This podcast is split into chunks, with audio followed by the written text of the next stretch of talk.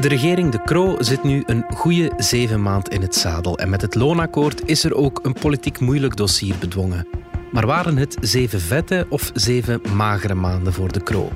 Het is maandag 10 mei. Ik ben Alexander Lippenveld en dit is vandaag de dagelijkse podcast van de Standaard.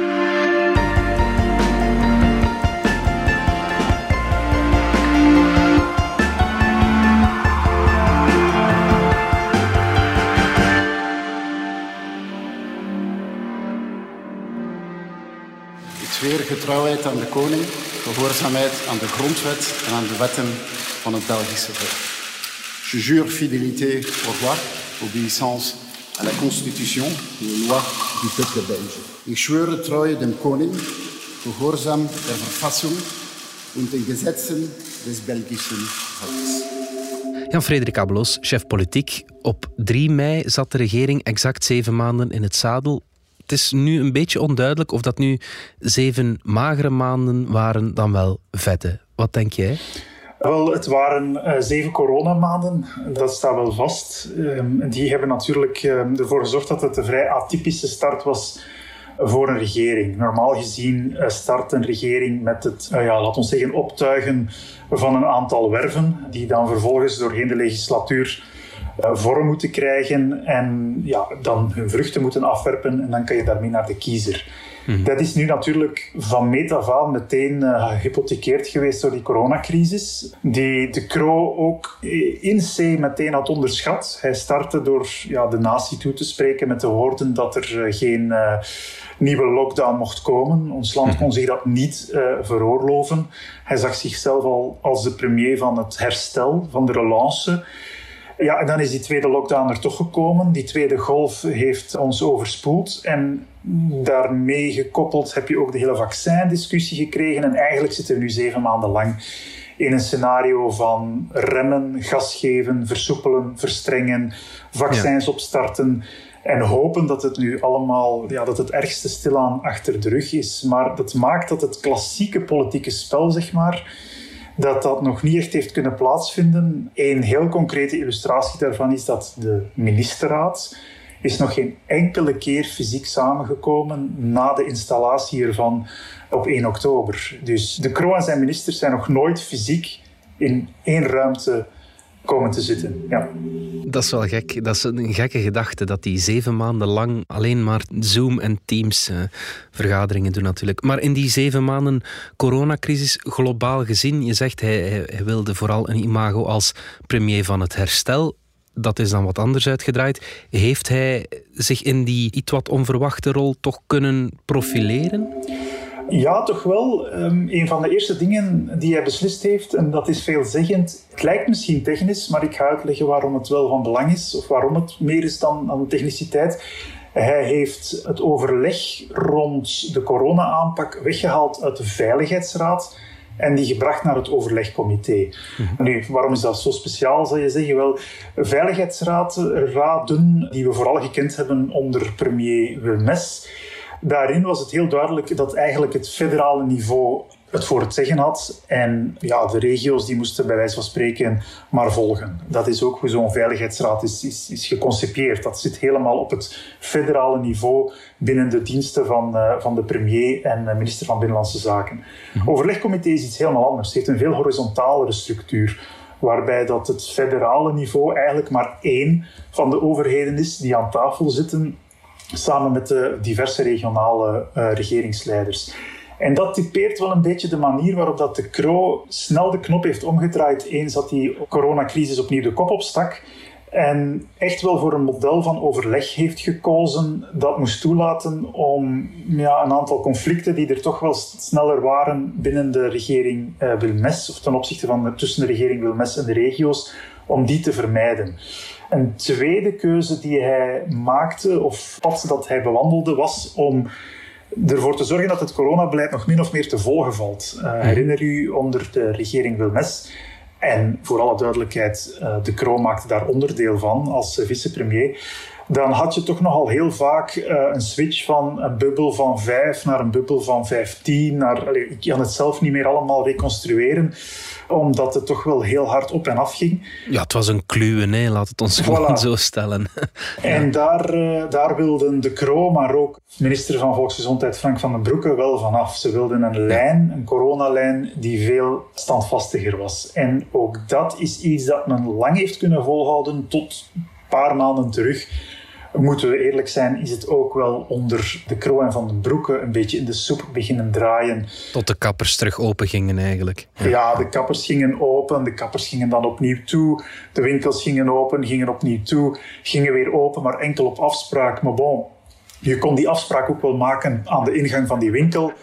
Nu, als we dit jaar één ding geleerd hebben, als deze pandemie ons één ding geleerd heeft, is dat die pandemie geen politiek verdraagt. Wat die pandemie nodig heeft, is crisisbeheer, is wendbaarheid, is bijsturen, is koelbloedigheid. En dat wil zeggen dat je inderdaad, als de situatie verandert, dat je moet bijsturen.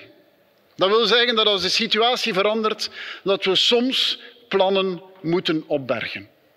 En ik heb geen schaamte om te zeggen dat als de situatie fundamenteel veranderd is, en als onze bevolking in gevaar is, dat ik niet aarzel om plannen bij te sturen als dat nodig is. Ik denk dat het ook dat is wat de bevolking van ons verwacht.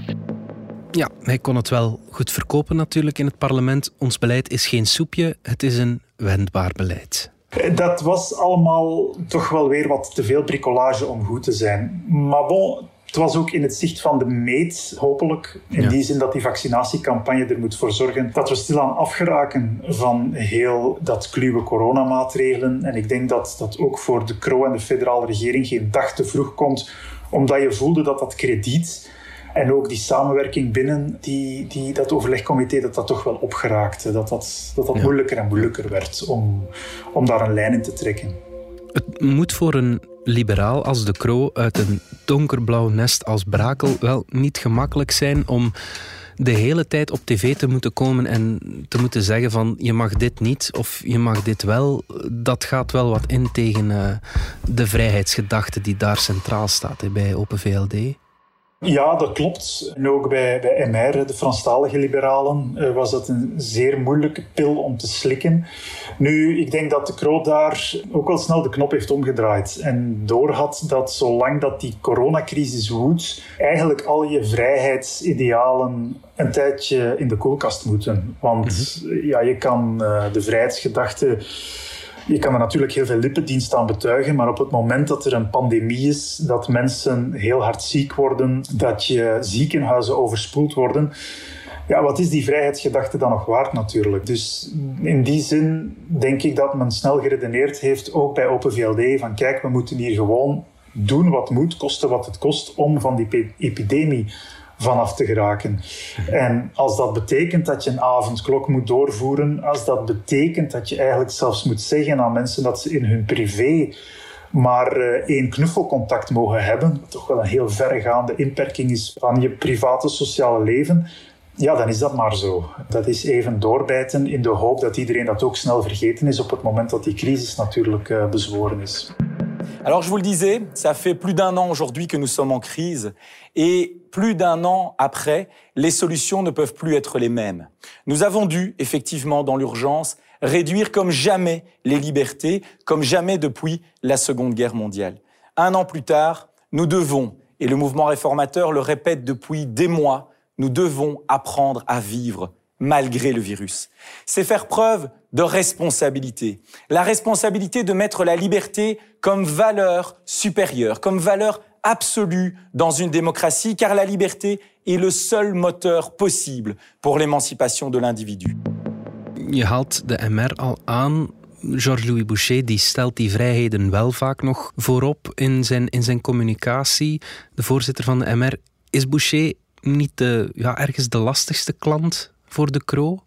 Ja, het is een lastige klant. Samen met die andere Franstalige voorzitter zou ik dan meteen toch zeggen, Paul Magnet. Maar Boucher kan natuurlijk de liberale principes opwerpen als, als van je volgt die niet, premier. Dat, dat is pijnlijk toch?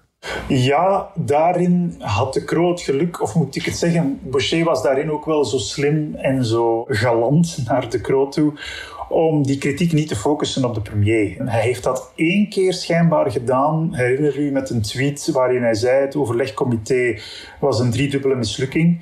Ja, en dan heeft eh, de Croo hem wel even de Levite gelezen, omdat dat toch wel leek op het terugfluiten van de premier zelf. Ja. Los daarvan heeft Boucher veel meer confrontatie gezocht met vicepremier Frank van den Broeke, minister van Volksgezondheid van Vooruit.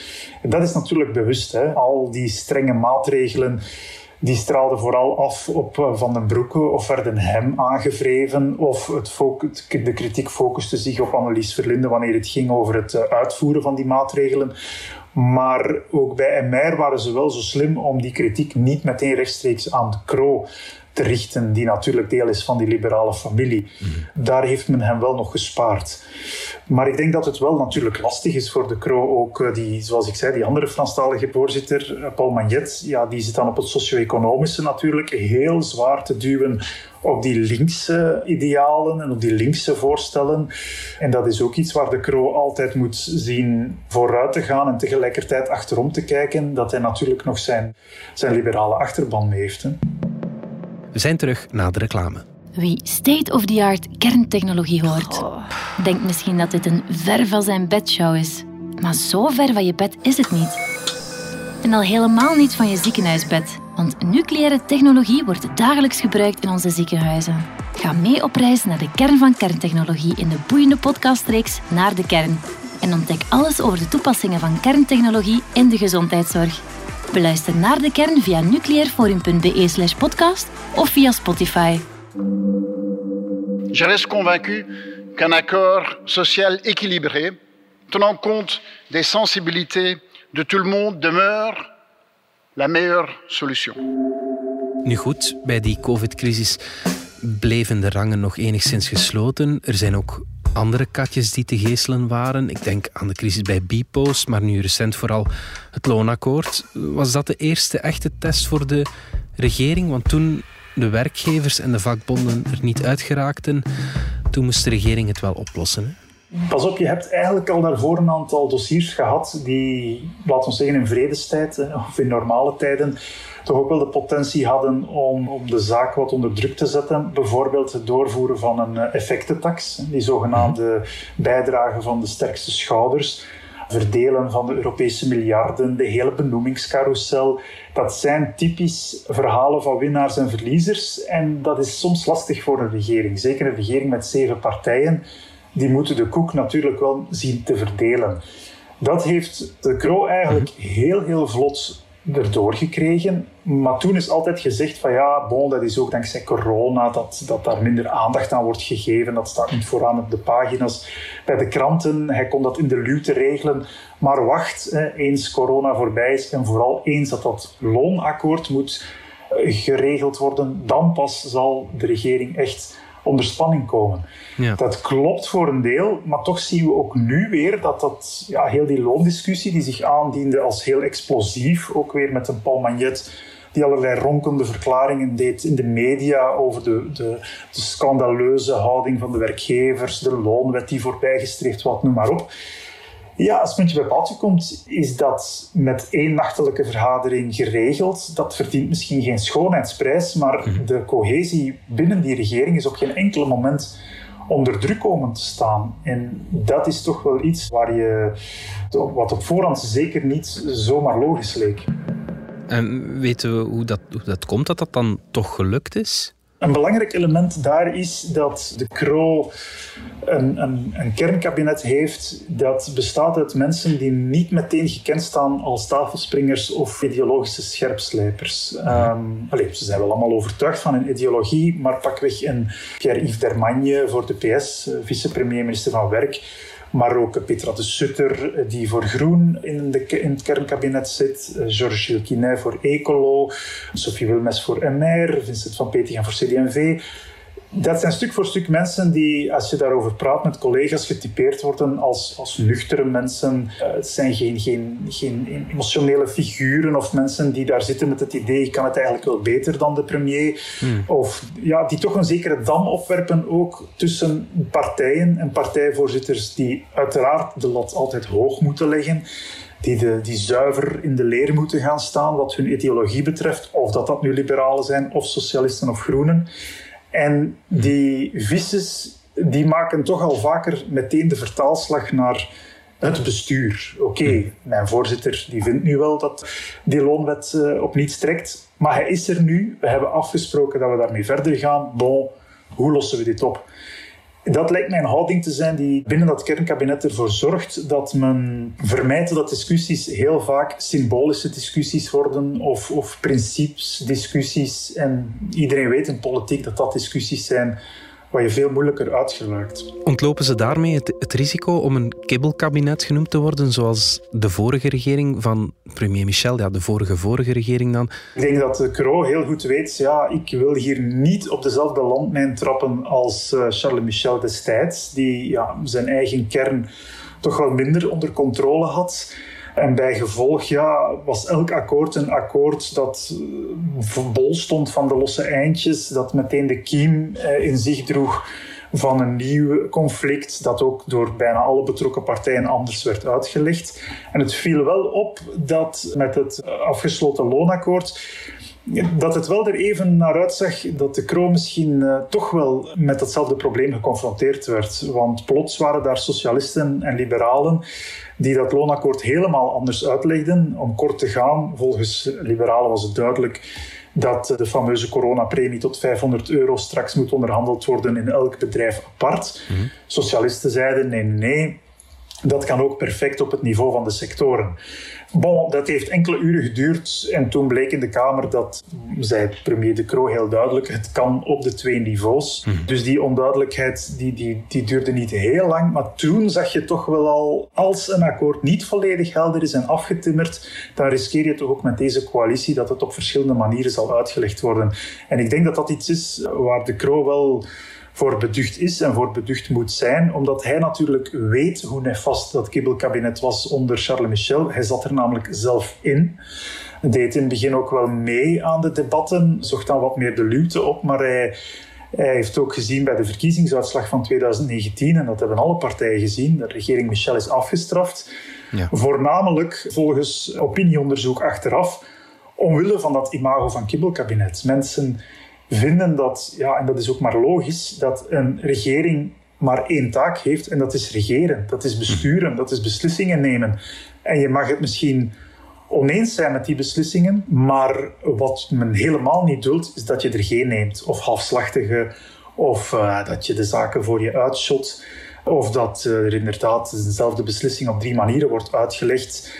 En uh, dat was iets wel wat de regering Michel enorm apart speelde. Mhm. En ik denk dat uh, de Croo er alles zal aan doen. En met hem de reden van het Vivaldi-kabinet om dat nu wel te vermijden. De vraag is of dat, dat, ja, of dat, dat zal lukken. Hè? Want er komen nog heel veel lastige dossiers. Uh, denk aan de kernuitstap, denk aan de pensioenhervorming, denk aan arbeidsmarkthervorming, fiscale hervorming. Dat worden toch nog testen. Ja. Zo'n klassieker is de begroting natuurlijk. Dat gat in die begroting is groter dan ooit. Uh, is dat ook een van de grootste uitdagingen voor de Kro? Ja en nee. In die zin, door corona is heel die discussie natuurlijk ook wat ontmijnd. Ook uh, de Europese Commissie heeft eigenlijk al gezegd dat het tot nader orde niet zal kijken naar de nationale boekhoudingen. We dreigen dus niet op de vingers getikt te worden. Mhm. Maar dat kan natuurlijk inderdaad een vals gevoel van rust creëren, want ondertussen lopen die tekorten natuurlijk op. De vraag zal zijn of dat het opkuisen ervan echt nog een taak wordt voor deze regering. Het wordt waarschijnlijk een, een werk van heel lange adem. Men zal proberen om het tekort niet volledig te laten ontsporen.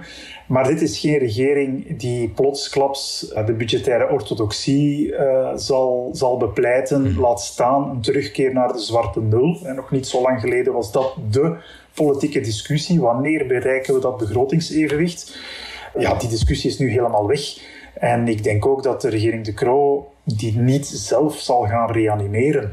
Dus in die zin is dat knap vervelend natuurlijk dat je met bloedrode cijfers schrijft. Tegelijkertijd is dat nu niet meteen het thema waar bijvoorbeeld denk ik de verkiezingen van 2024, voor zover we nu kunnen oordelen, zullen overgaan.